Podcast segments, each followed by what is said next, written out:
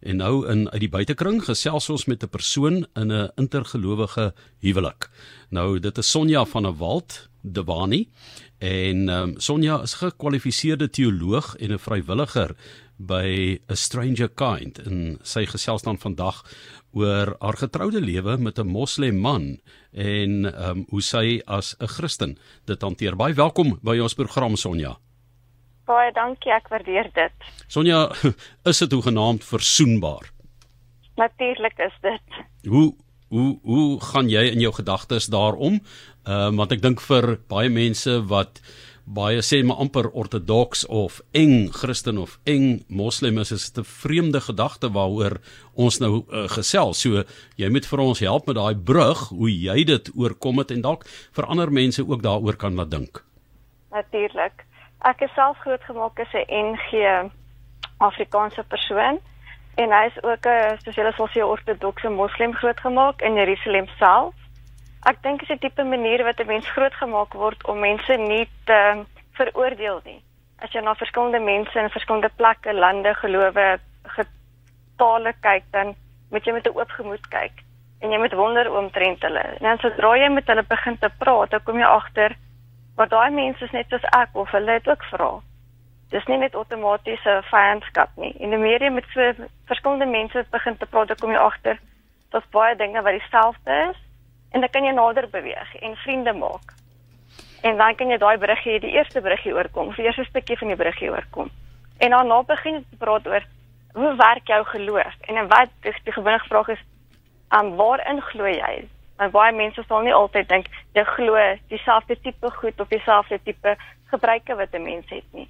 So dan jy ure met so 'n persoon sit en praat, praat is nommer 1 en dan begin jy mekaar um, as vriende mekaar in jou lewe in te nooi. Sê kom leef dit saam met my. Kom beleef uh, eet saam met my en my familie en ons tradisies. En dis die brug wat jy begin te bou met sulke mense of vir ander tipe mense as jouself en jou agtergrond, jou vriende te word en dan verhoudings te kan bou. En dan nou as dit begin romanties raak, dan begin jy sulke sulke gesprekke met mekaar te hê.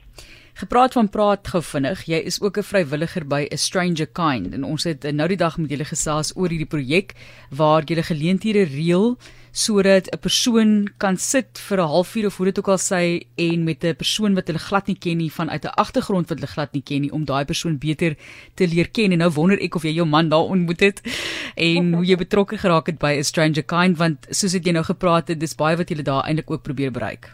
Ja, natuurlik. Ehm um, ek en Madie, ons is vriendinne vir seker omtrent 8 jaar, so te sê.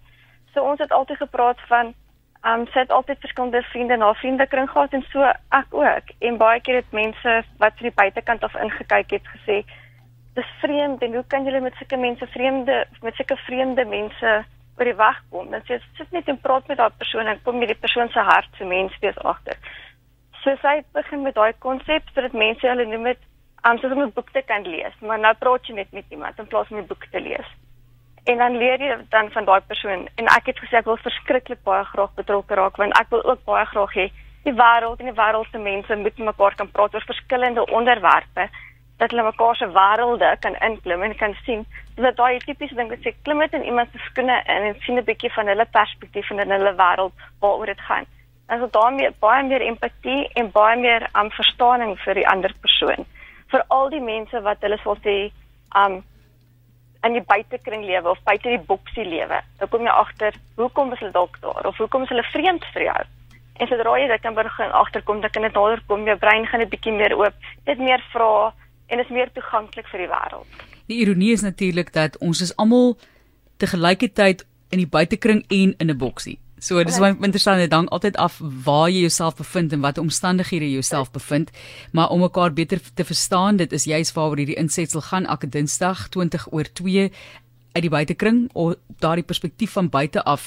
Nou praat ek van buite af. Jy het nou 'n liefde ontwikkel en 'n verhouding ontwikkel, maar 'n mens kan ongelukkig ook nie die buite en mense rondom jou net ignoreer nie. En dit is waar ek dink dit moeilik raak in terme van die hantering en die effek op jou verhouding. So, wat is die terugvoer wat jy kry soms en hoe hanteer jy daardie terugvoer sodat dit nie hele verhouding affekteer nie? Ja, dis 'n baie goeie vraag. In die eerste plek aan net as hoe jy daai persoon voorstel aan die nuwe mense, soos byvoorbeeld as ek hom voorgestel het aan my familie en my vriende. Dit gaan oor hoe ek hom hanteer voor mense, hoe ek hom voorstel en hulle hom vertel wie en wat hy is. In die eerste plek en dieselfde met my teenoor sy familie of sy vriende. So dan dit dit is die eerste die intrapslag. Dan kry jy natuurlik al die vrae. Dan sê jy vir die mense, ons is oop vir enige vraag. Maar sodra jy dit net gaan doen van 'n perspektief af dit is wie, wie ons is, dan slaan jy daai deur toe en sê, "Maar as jy enige vrae het, ons is gelukkig om enige vraag te antwoord, want jy sien die vrae in die mense se oë."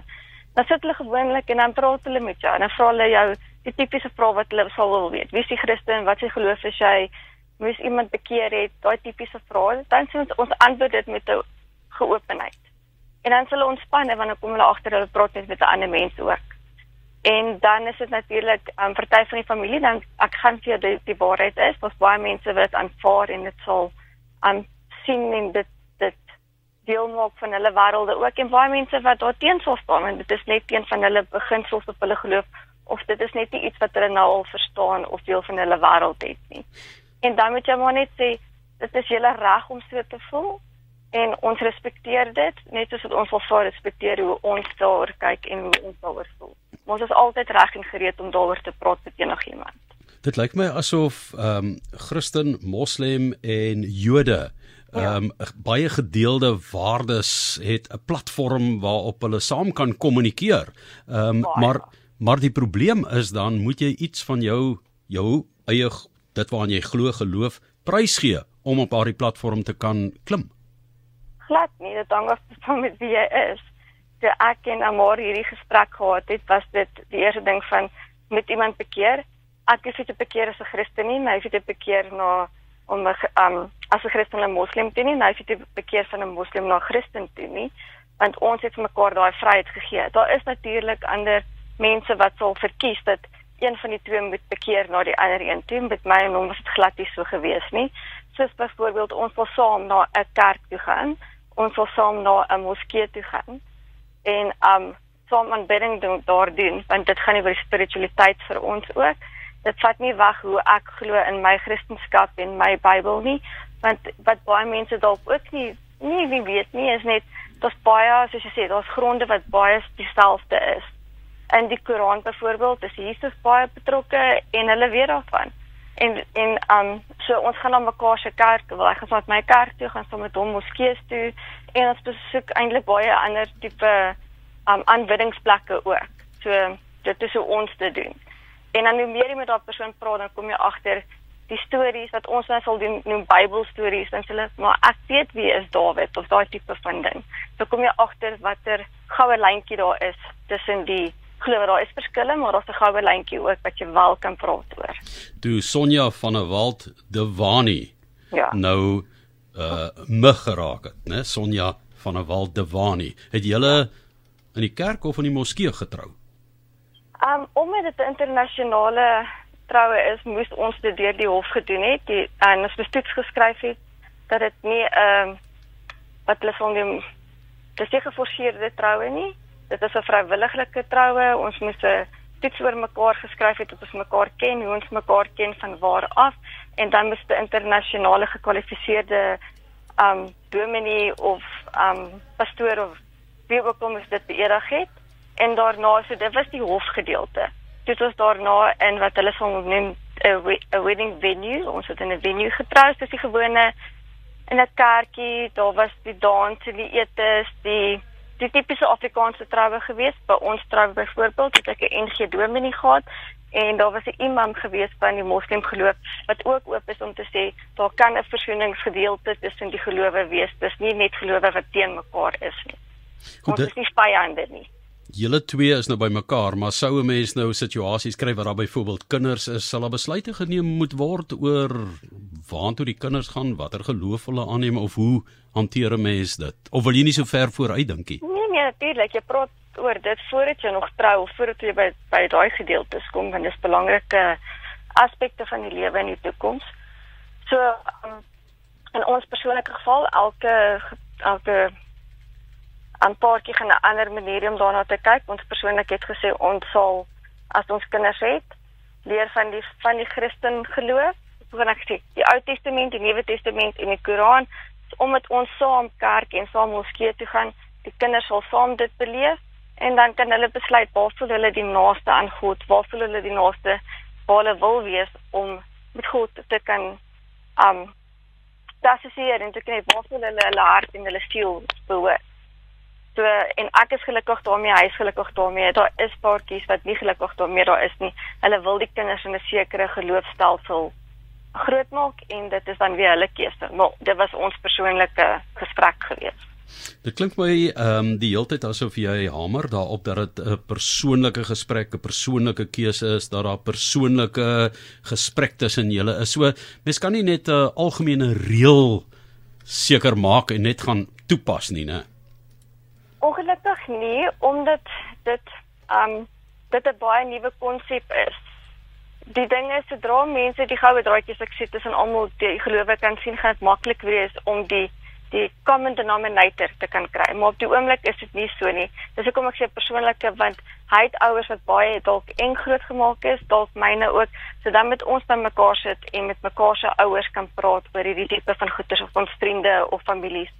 Dan dis hoekom dit 'n persoonlike ding is. Maar wanneer dit by 'n geloofsding kom, dan is daar baie um definitief hierdie so my ritmes van my dag. Dis ook glo ek hy bid 5 keer 'n dag. Hoe doen ons ons gebede? gaan ons dit saam doen, gaan ons dit apart doen. Dit is hoekom jy dan persoonlike keuses maak. As jy 'n verhouding gaan wees waar een van die twee sê jy gaan dit op my manier moet doen, dan gaan iemand moet um met om um bekeer na daai kant toe. Maar vir al as jy in 'n in 'n verhouding is as ons wat ek bly 'n Christen en hy bly 'n Moslem, dan is dit 'n persoonlike gesprek watter van van dit gaan ons saam gelyktydig ooreenstem wat nie die ander een se siening beïnvloed of hoe kan ek sê wegvat van die ander persoon se oortuigings binnekant hulle self nie.